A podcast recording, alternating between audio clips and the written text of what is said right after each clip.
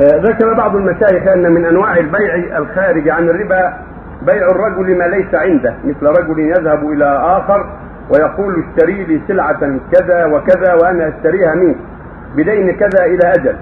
أليس ذلك من البيوع المنهي عنها؟ سمعتم هذا في لا في الندوة من كلام الشيخ عبد الله هذه يقال لها مسألة التورق ويسمونها الناس الوعدة. فإذا اشترى من إنسان سلعة إلى أجل معلوم ثم باعها على الناس لا على صاحبها. إن باعها على اشتراها منه بأقل مما اشترى هذا مسألة العينة ولا تجوز. وإذا باع على الناس فلا بأس. يشتري من إنسان بيت أو سيارة أو سلعا أخرى يشتريها إلى أجل ثم يبيعها على الناس. على هوى متراخيا أو بسرعة؟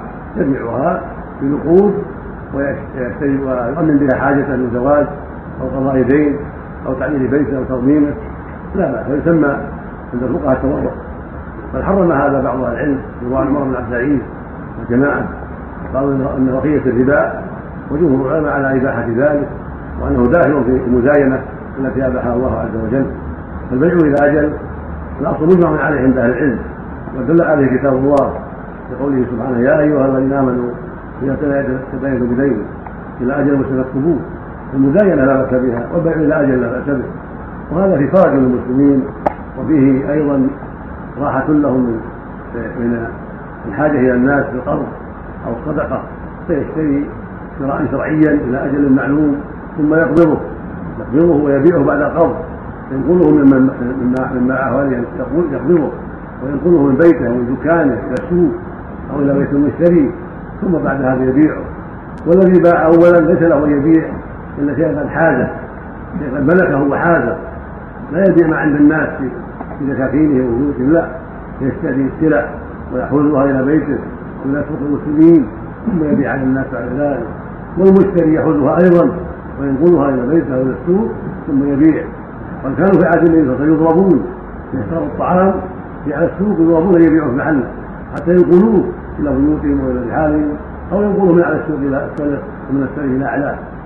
حتى لا يبقى للبائع الأول سلطان عليه بل يخرج من تحت سلطانه. ويباعد بينه وبينه إلى مكان اخر ينقله المشتري ثم يتصرف بعد ذلك. هذه يقال لها مساله التبرك وفيها مصالح وفيها منفعة للمحتاجين وإغناء لهم عن الربا وإغناء لهم عن الحاجة إلى الناس والتسول وإغناء عن القرض الذي قد قد لا يحصل لهم إلا بمنة أو بتعب كثير طيب هو نقل البضاعة هيكلفها عبء مالي هيتحمله المشتري بعد ذلك يعني؟ نعم يتحمل. يتحمل. يصبر حتى يسلم من ما حرم الله من عليه. البطلان إذا كان البيع إلى أجل غير معلوم. ما يصح. لا بد يكون مجالا معلوم. يعني يبطل البيع. يبطل.